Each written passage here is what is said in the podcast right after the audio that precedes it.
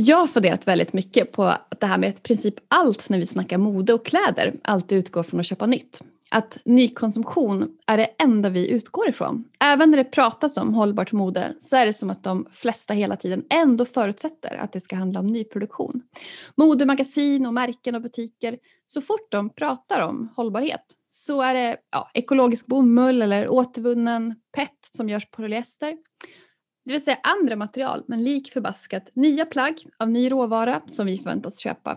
Ja, att vi liksom ska handla oss ur hela den här klimat och hållbarhetskrisen som vi är mitt i. Det trots att all forskning säger att hållbart mode, hållbar konsumtion överhuvudtaget är köp mindre nytt och så använd det som redan finns. Men våra huvuden lyssnar ju inte på det här. Vi blir till och med överlyckliga när vi hittar ett plagg med lapparna kvar second hand. Och då är det ju rent tekniskt inte ens second hand. Idag ska vi prata om exakt det här, nyköpsnormen. Du lyssnar på Slow Fashion-podden och jag heter Johanna Nilsson och gäst idag är Katarina Graffman.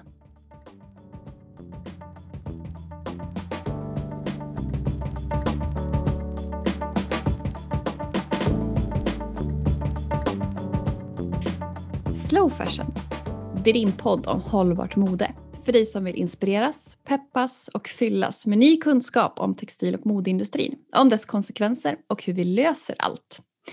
Och gäst idag är som sagt Katarina Graffman. Eh, hej! Hej Johanna!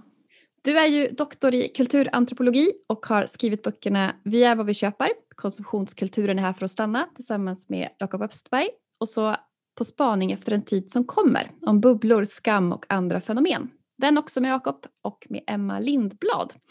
Så det här är väl rätt ämne att prata just med dig om? Mm, jag hoppas Eller? det. Jag kanske troligen kommer komma, kunna säga någonting eh, som förklarar lite grann vad det här handlar om. Ja, men vi börjar i det då. Varför är det så här som jag pratar om? För att vi är eh, präglade utav en kultur Eh, som bygger på att vi alltid ska begära mer. Det är det vår ekonomi eh, vilar på. Eh, så att vi har helt enkelt lärt oss att genom att begära mer tror vi också att vi blir lyckligare, att vi kan bli någon annan än den vi är. Så att det är helt enkelt en plikt, skulle man kunna säga. Och det här låter ju jättetråkigt för det som du håller på med och som väldigt många just inom eh, hållbarhet och hållbarhetsinfluencers arbetar med är att försöka ändra just inställning och normer. Men ni kämpar ju mot en dinosaurie skulle jag säga. Alltså det är ju så att den här makromarketing som man brukar kalla det för, det handlar om att strukturera människors tillvaro till konsumtion. För att det är vad ekonomin eh, handlar om idag. Och eh, det är ju så att tillväxt är det värde som på något sätt har blivit det viktigaste värde i den politik som vi har idag.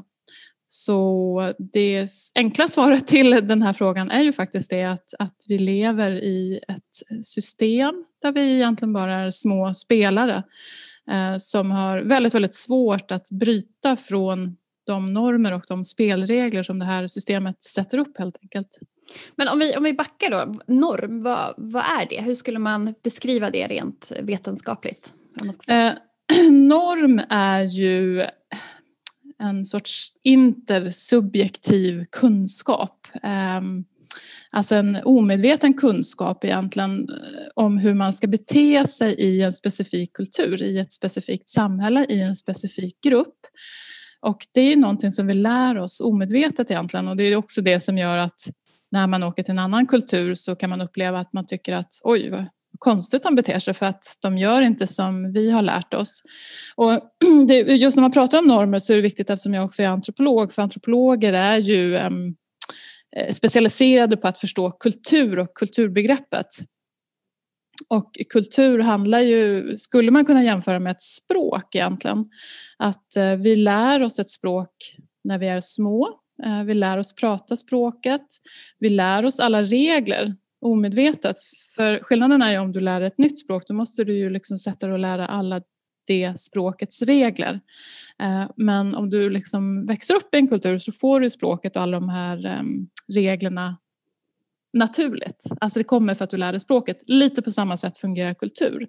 Så beroende på vilken kultur du har växt upp i så har du också omedvetet lärt dig den kulturens eh, alla normer eh, och regler och det kan ju handla både om medvetna och omedvetna normer. Så att eh, det här sitter ju väldigt, väldigt hårt i oss ehm, och att förändra den typen av normer kan ju ta väldigt lång tid helt enkelt. Och den kulturen vi jag tänker ni pratar mycket om konsumtionskultur. Jag tänker ofta när man pratar ja, om kultur så kan man ju tänka, ja men jag bor i Sverige eller den. Men nu ska vi prata om konsumtionskultur, eller hur? Ja, mm. exakt. Eh, och konsumtionskultur det är det som, som Jakob och jag skriver om i Vi är vad vi köper. Eh, vi bestämde oss för att skriva den boken för att vi tyckte att väldigt många hade väldigt dålig uppfattning om eh, samtiden vi lever i och såg konsumtion som någonting som en aktivitet enbart typ när man går ut och handlar någonting eh, eller köper något på nätet. Men konsumtion är ju helt styrande för vårt samhälle idag. Den bestämmer egentligen allting som vi gör i och med att den handlar så väldigt mycket om hur vi skapar vår egen identitet, hur vi förhåller oss till andra eh, och hela politikens idé om tillväxt där vi använder ord om, eh, som eh, som vi lånar egentligen från eh, marknadslogiken med eh, utbildning som en resurs och tid är en bristvara. Eh, våra, mäns, våra kontakter är liksom en investering. Så att man, man, kan på väldigt många olika sätt studera att just den samtiden vi lever i är en konsumtionskultur och det var det som vi ville förtydliga för att förstår man inte det i grunden att det här är så grundläggande då är det också väldigt svårt att förändra normer. Man kan inte gå in och peta lite här och lite där och ändra små saker utan man måste först ha en, en grundläggande förståelse av samtiden.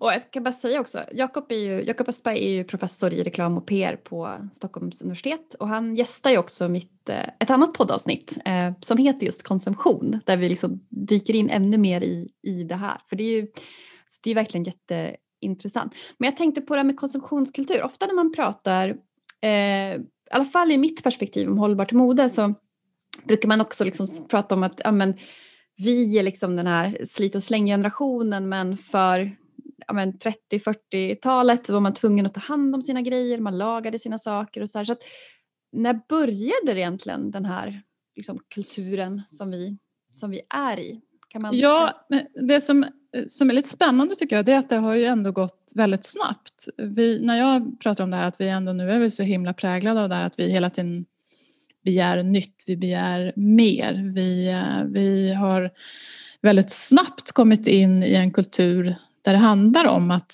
hela tiden köpa nytt. Och det har vi inte hållit på med så himla länge för precis som du säger, tittar man på till exempel min föräldrageneration som är födda på 40-talet, det var ju inte alls så.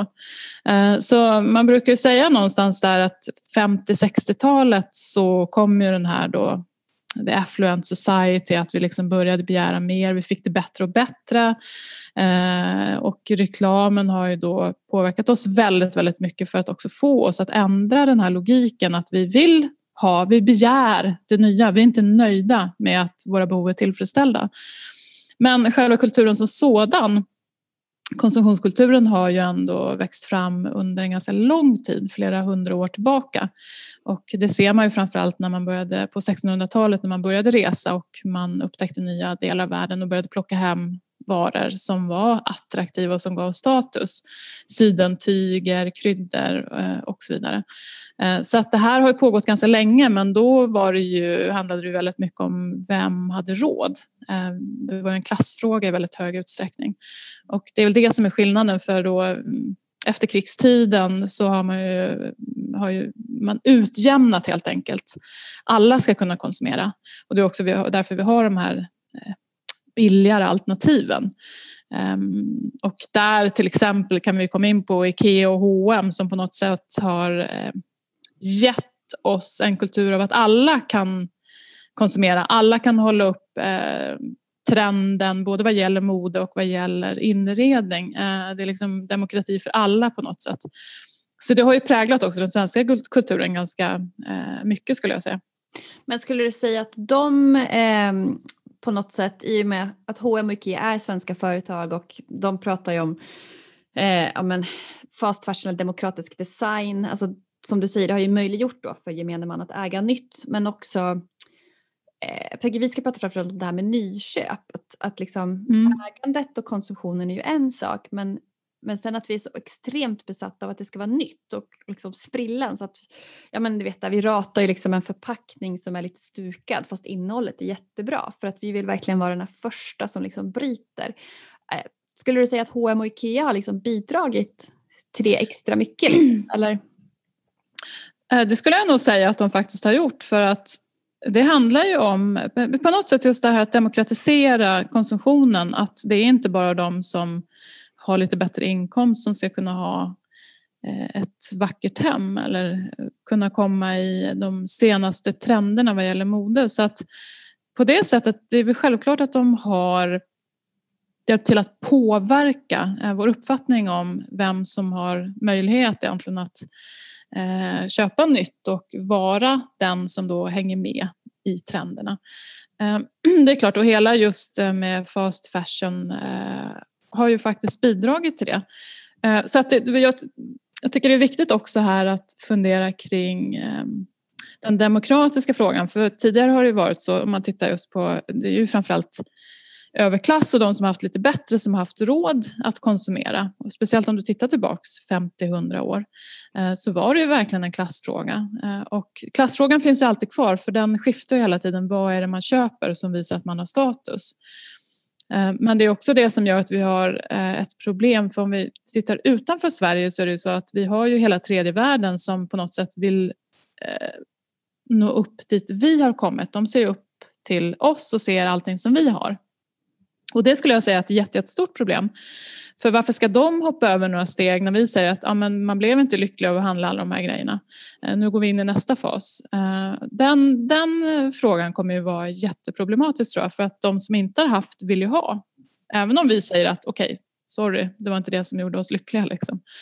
Eh, och det ser man ju då om man tittar i ett mikroperspektiv så ser man ju det att det har ju skett en demokratisering eh, just inom konsumtion. Så jag tycker att den är viktig att hålla lite koll på för att det här med status och social hållbarhet är ju en jätteviktig fråga om vi också vill liksom nå hållbarhet inom eh, klimat. För har vi inte social hållbarhet så kommer vi inte att komma så långt med hållbarhet kring klimat och miljöfrågor. Så att det tror jag är ganska viktigt att ha med om man vill förändra normer, att det ska vara lika för alla på något sätt. Jag tänker också, bara som en liten passus, jag ska ha faktiskt, det kommer komma ett helt poddavsnitt om just klassperspektiv på det här. För jag tänker just att man pratar om hållbart mode eller hållbar konsumtion överhuvudtaget så är just som du säger att när det är billigare så möjliggör det ju också för fler människor att få tillgång till det. Så det blir en typ av klassfråga. Eh, ja. Men det blir också en, det sker ju också på bekostnad av en global klassfråga. Eh, för att det är också någon som producerar om alla de här sakerna Exakt. och betalar liksom det verkliga priset. Eh, men om vi, om man tänker på, om vi backar då till det här med just normen och nyköps. Ehm, varför, alltså rent ja, men om vi går till grunden, varför är vi så himla besatta av att just köpa nytt? Det är lite där jag vill in och... och ja, men jag förstår det. Men jag tror att det, det, det handlar om det här med att vi ändå har skolats, vi har präglats, vi har liksom formats in i den här begärskulturen. Jag tror att det ligger väldigt mycket i det och då ligger också aspekter av att det ska vara nytt och fräscht. Um, att vi faktiskt, för det är ju väldigt många, och tittar man om man tittar till exempel på överklassen så har det ju handlat om att det har varit fint att ha gamla saker.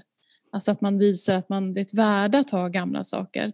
Och då är det så att språket, symboliken i marknadskommunikationen och det som vi ständigt matas med är ändå det här nya, att det ska vara fräscht, det ska vara nytt. Det är någonting som du väljer. Eh, jag tror, nu sitter jag och flummar lite också, men jag tror också väldigt mycket att Handlar det om identitet, handlar konsumtion om identitet eh, så tror jag att vi matats väldigt mycket med att du ska känna en känsla av att ja, men det här har jag valt. Alltså jag har inte valt Johannas gamla tröja.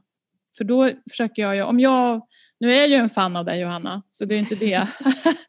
men om det nu ska liksom prägla sig att du ska skapa din egen identitet. Mm. Då vill inte jag köpa dina gamla kläder. Uh, bara för att säga, ja men nu, jag försöker att vara som Johanna. Så det kan ligga saker som handlar om det också i det här att vi behöver det nya. Sen om det var så att men jag vill vara lill-Johanna. Liksom. Mm.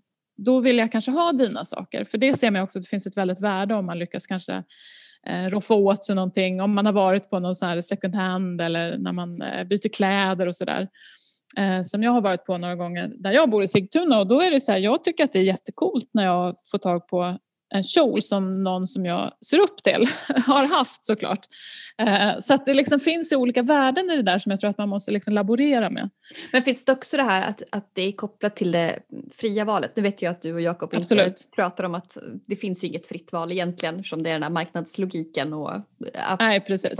Men, men just det här att de säger att du rent ekonomiskt kan köpa en ny kjol men du kan också välja att köpa second hand. Um, Absolut, det är klart att det handlar om det. Och vi, i och med att jag tror ju, och det kanske du också känner, jag tror ju att det är ju saker som håller på att hända nu. Eh, mm. Vi, till exempel där med när årets julklapp blev second hand, det var ju för förra året va, 2018. Mm. Det var en jättetydlig signal om vad som är på gång.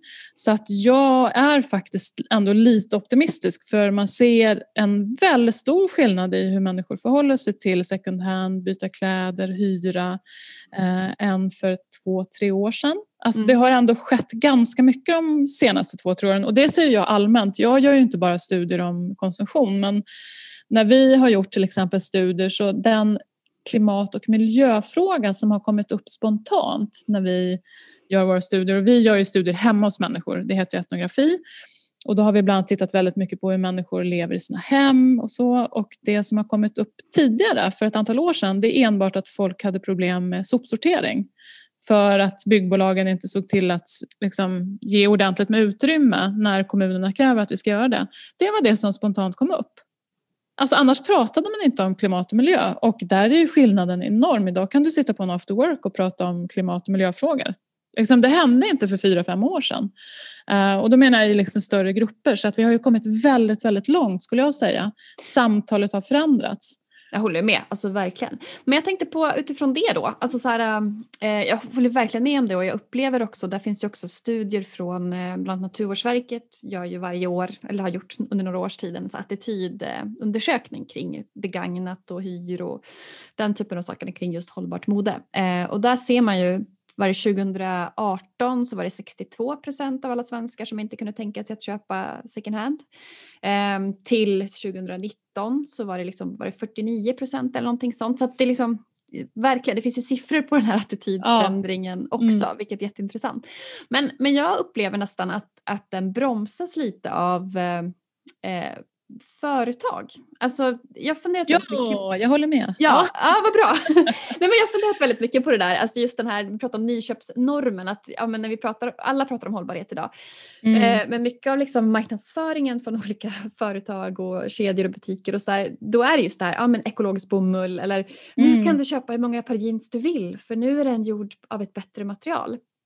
Eh, att att på något sätt att det är så sjukt mycket pengar i marknadsföring att de får typ styra samtalet. Exakt. Eller?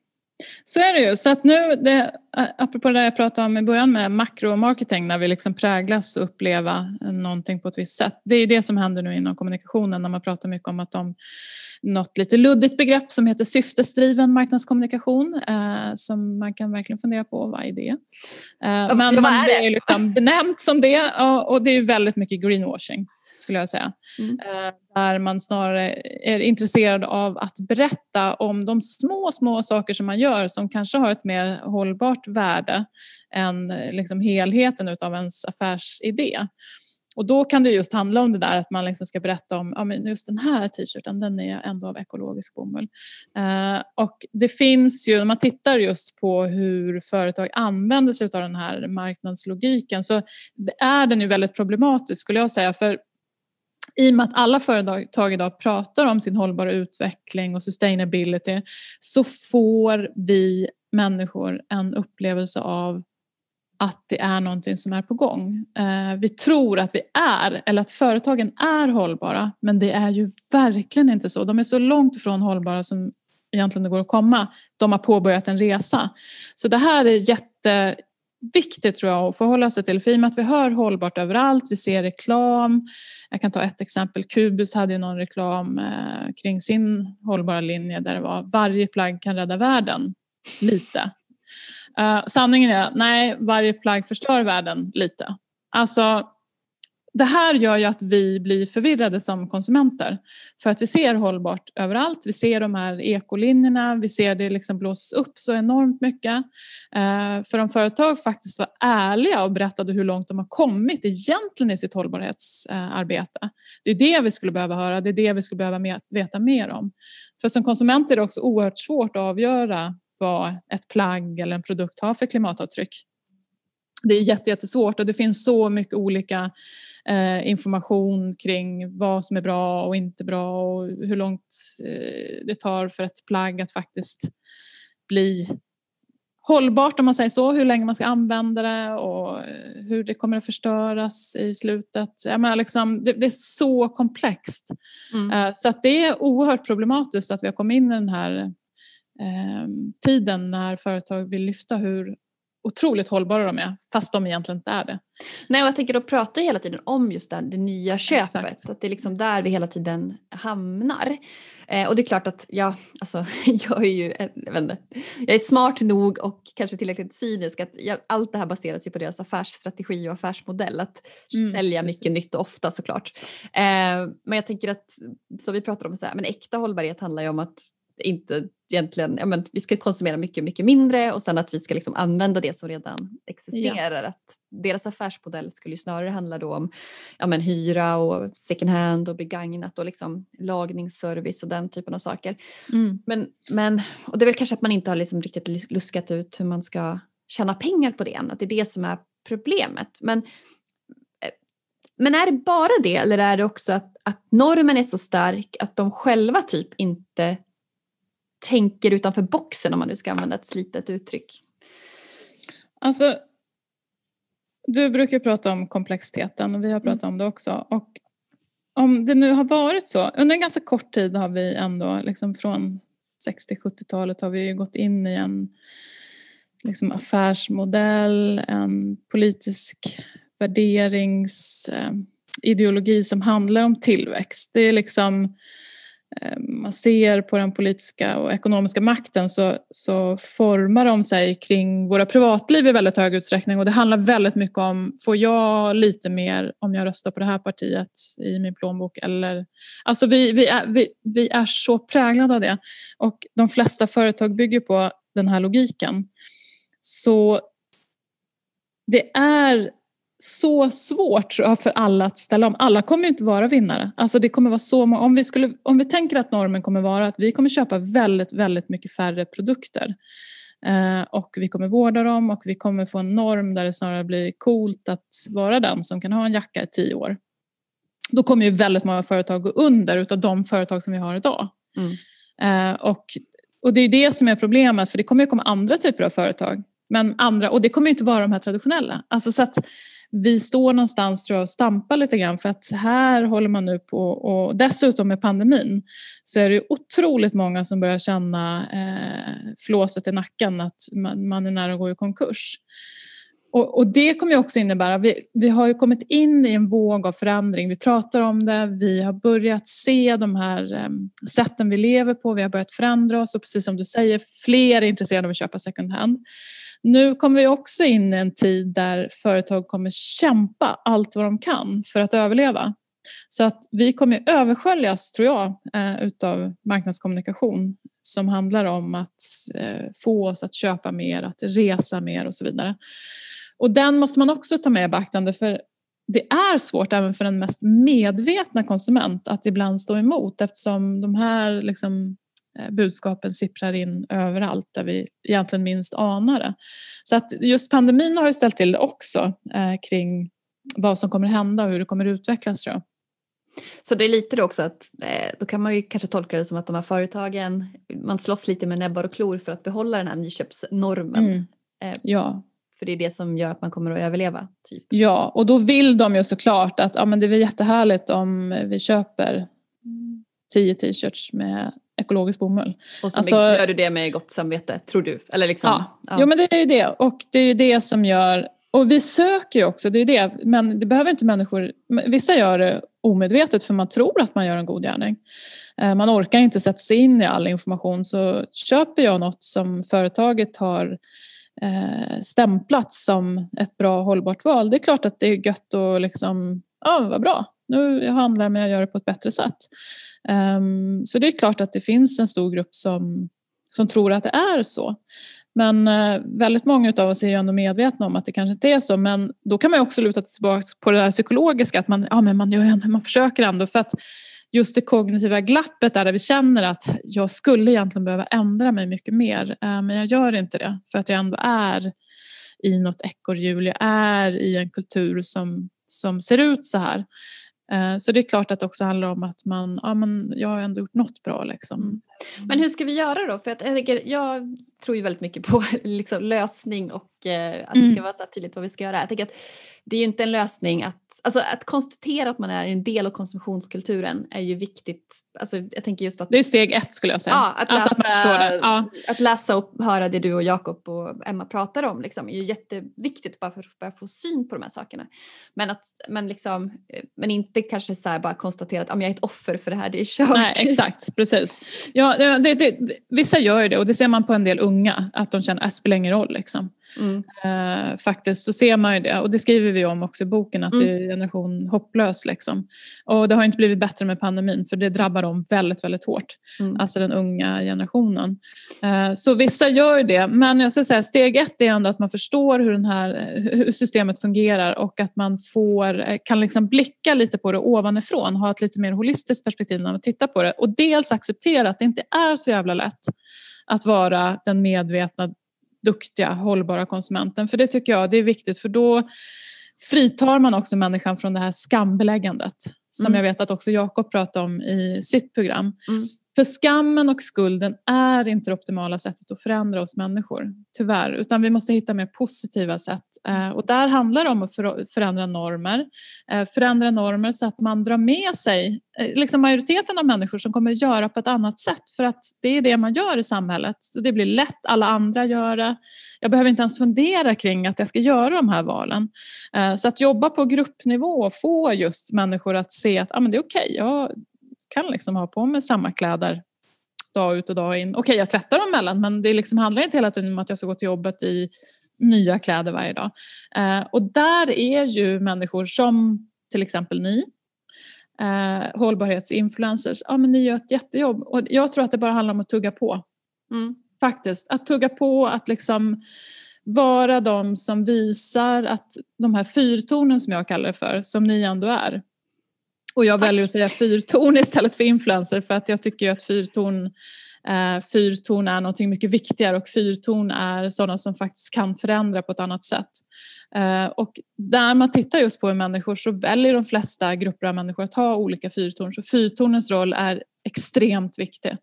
Eh, att hela tiden jobba på och ha någon sorts typ av positiv budskap. Eh, inte jobba med skambeläggande. Mm. Jag har ju pratat med en del, jag har träffat en del eh, hållbarhetsinfluencers, hållbarhetsfyrtorn som jag säger, som också säger att det kan vara jättejobbigt för dem för att om de inte går all in 100% så kan de få jättemycket skam och liksom skuldkommentarer från sina följare som tycker va? Ah, hur kan du liksom äta den där chokladen eller hur kan du göra det? Det är inte liksom hållbart. Och det måste vi komma bort ifrån. Mm. Jag tror också, nu är det en liten reflektion, men jag skulle säga också, jag tror att det är värre om man är liksom livsstilsinfluencers, alltså att man verkligen pratar om alla delar av ens liv, för det är också det man på något sätt exponerar och folk ser. Eh, jag har ju liksom eh, medvetet, omedvetet, jag är ju väldigt hårt nischad mot liksom hållbart mode och en del hållbart entreprenörskap vilket gör mm. att eh, det är liksom den, det jag visar upp på något sätt och det gör ju att, men jag menar, jag vet precis vad du menar, alltså vi har fått, eh, jag, men, jag, Emma och Maria som jag har skrivit Gör skillnad och Klimatasken mm. med, vi har ju fått mejl från folk som är så här, hur kan ni skövla skog för att trycka en bok typ? Um, ja exakt, precis, vi, det är det jag menar, det blir, ja. liksom, det blir väldigt kontraproduktivt. Ja och vi har väldigt så här, eh, om, om vi får en person att sluta flyga så är ju liksom miljönyttan, klimatnyttan mycket större än vad den här boken har liksom orsakat. Men jag fattar, fattar verkligen vad du menar. Men utifrån det också, jag tänker mycket på, det har jag skrivit om också på min Instagram, att, um, alltså, jag ser också min roll lite grann, i och med att nyköpsnormen är så stark så har jag till exempel valt att inte eh, i möjligast mån egentligen. Jag, väldigt, jag pratar väldigt sällan om nya produkter även om det är liksom håll, väldigt hållbart och bra gjort och så. Mm. så just för jag tänker att dit hittar man eh, själv. Ändå. Ja, mm. på något sätt. Eh, för att vi är så starkt präglade av den här normen medan vi behöver snarare kanske öppna upp blicken för uthyrningstjänster eller riktigt bra second hand eller den typen av, av saker. Att jag tänker också att en, en influencers roll, eller ett fyrtorn då som du säger, att är, uppgiften är att vara eh, lite mer radikal liksom, än vad kanske eh, gemene man är. Eller liksom, ja, jag, menar, jag köper också nya eh, produkter från liksom schyssta hållbara märken och där jag gör genomtänkta val och så men att jag medvetet väljer att prata mycket, mycket mindre om det. Inte för att jag skäms utan mer just för att alltså, jag är öppen med det men, men just att så här, flytta normen ytterligare lite. Liksom. Ja, men, och, och, det är ju absolut ett sätt för det är, det är så man kan välja att rikta ett budskap på något sätt att du väljer bort, du har flyttat ett steg ytterligare längre fram. För det är lite som du är inne på det här med ehm, när vi pratar om eh, nyköpsnormen och att vi liksom präglas in och tror det handlar ju väldigt mycket om att, och liksom bygga gröna konstruktioner på ruiner av något som inte är hållbart. Och då gör ju du ett val att eh, gå bort helt egentligen från, från det som vi har. Och det tror jag är jätteviktigt, att man faktiskt kan visa på nya möjligheter. För lite som vi skriver i den här boken På spaning efter den tid som kommer så handlar det om att vi måste få till en ny berättelse. Att det liksom, nya hållbara livet, det är inte att återgå till en mörk medeltid utan det är någonting annat, det är någonting kanske bättre. Och, och, och där tror jag just den här nya berättelsen är väldigt, väldigt viktig för att få människor att känna att okej, okay, det handlar inte om att avstå utan det handlar om att uppleva någonting annat, kanske på ett bättre sätt. Så där har ni en, en jätteviktig roll tror jag. Men om man är, jag tänker den som lyssnar på den här podden och eh, känner bara men jag vill vara med och liksom bidra eller vad man ska säga. Mm. Hur, mm. eh, vad kan vi liksom göra? Jag tänker att ni pratar ju i boken väldigt mycket om mainstream och vanlighet och att Sverige är liksom ett kollektivistiskt samhälle och att även att vara liksom mainstream eller vanlig inom citationstecken kräver väldigt, väldigt mycket Eh, liksom. Arbete? Ja. ja. och att det är mycket regler kopplat till det här fast man tänker att det är väldigt slappt. Liksom. Ja, man, exakt. Kan man utnyttja det på något sätt? Liksom? Eh.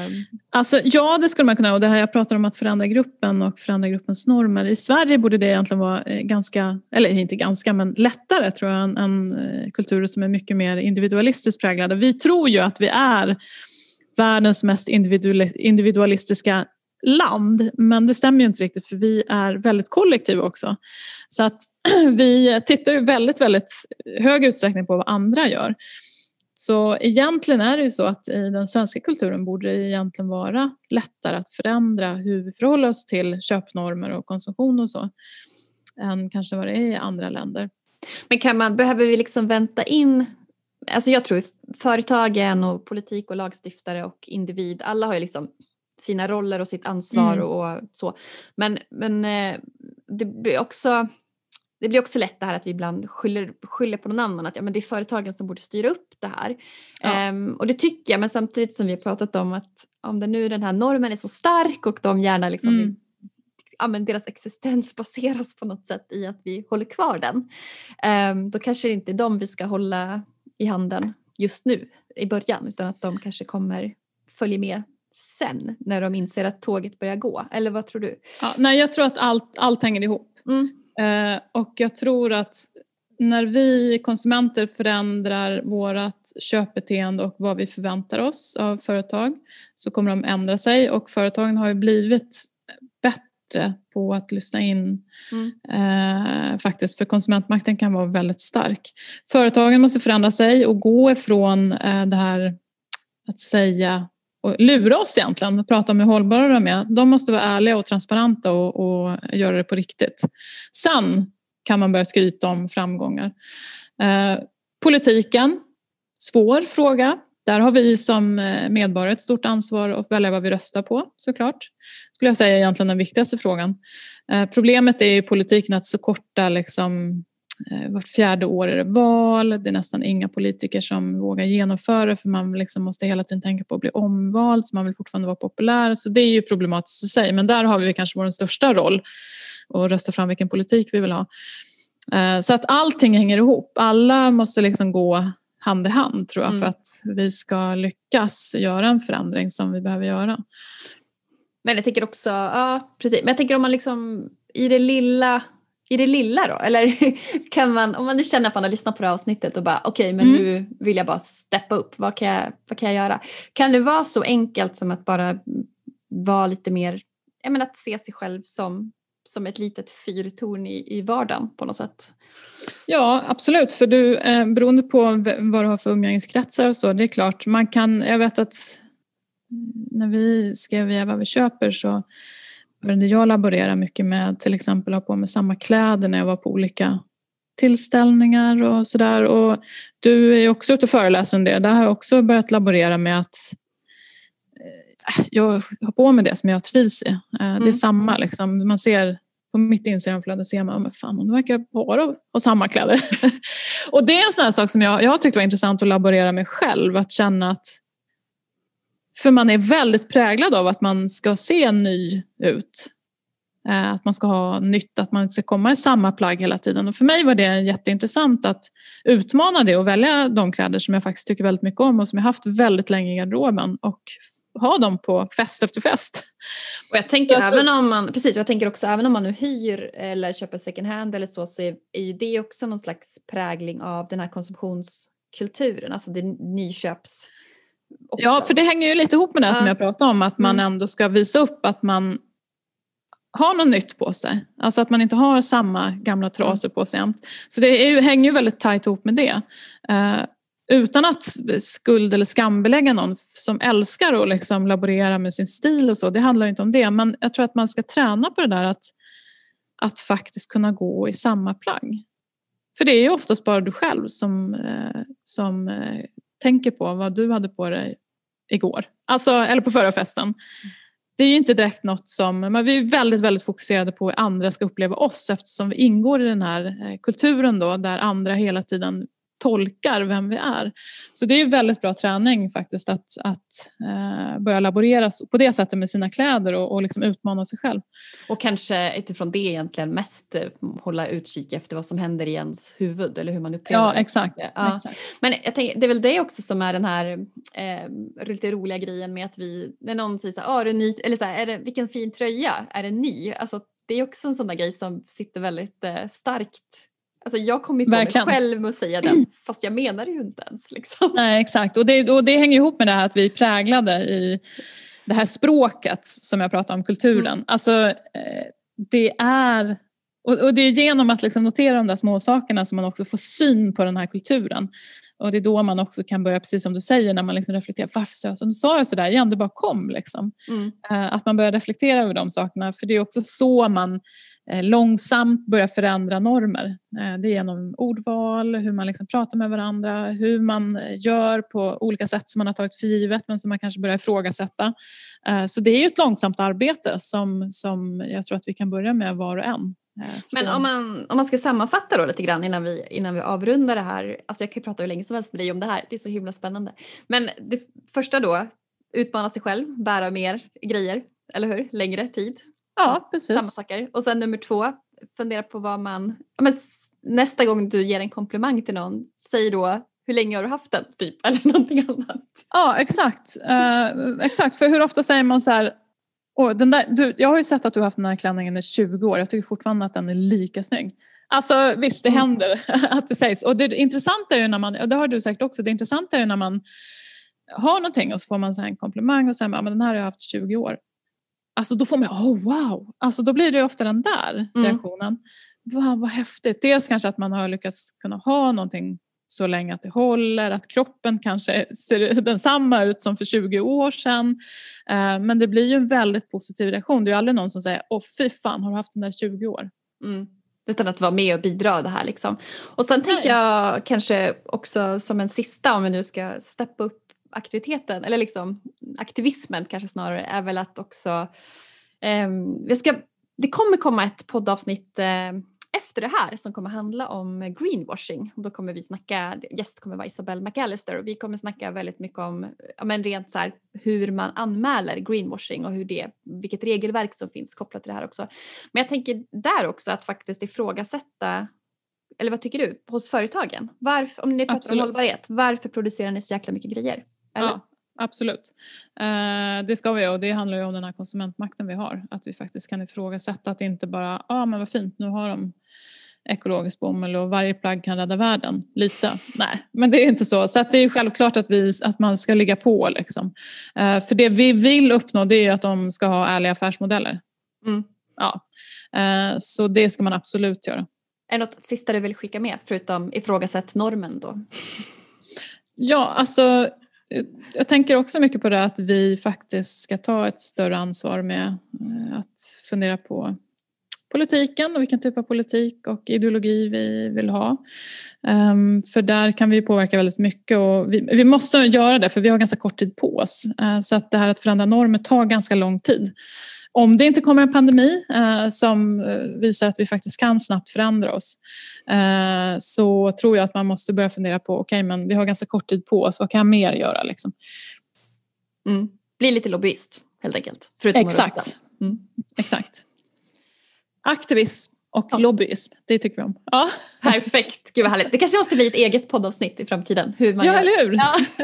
Vi ska börja med lite greenwashing-aktivism i alla fall. Men äh, ja.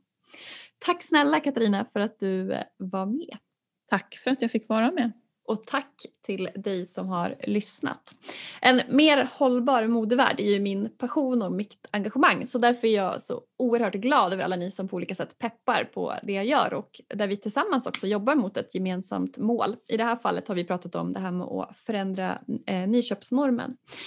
Eh, jag vill ju att podden ska vara gratis men den är tyvärr inte gratis att göra så därför får du som lyssnar mer än gärna stötta podden. Antingen genom att boosta algoritmen så att fler upptäcker den eller då genom att supporta finansiellt. Betygsätt podden i din podcastapp och eller då tipsa vidare till dem du tycker borde lyssna på den. Och via Patreon kan du också ge en liten summa varje avsnitt eh, och du hittar länk i poddbeskrivningen där. Eller om du lyssnar på podden på din mobil då får du hemskt, hemskt gärna swisha det du tycker är värt. En liten eller en stor summa och då swishar du till 123 199 7204.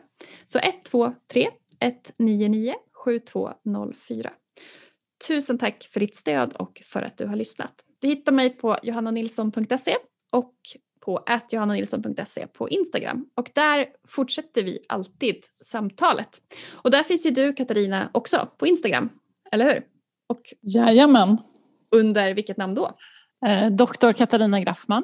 Ja, där får man prata vidare med dig och Absolut. läsa era böcker också för de är väl värda att spanas in just för det här att få de här verktygen och tankarna kring normer och konsumtion.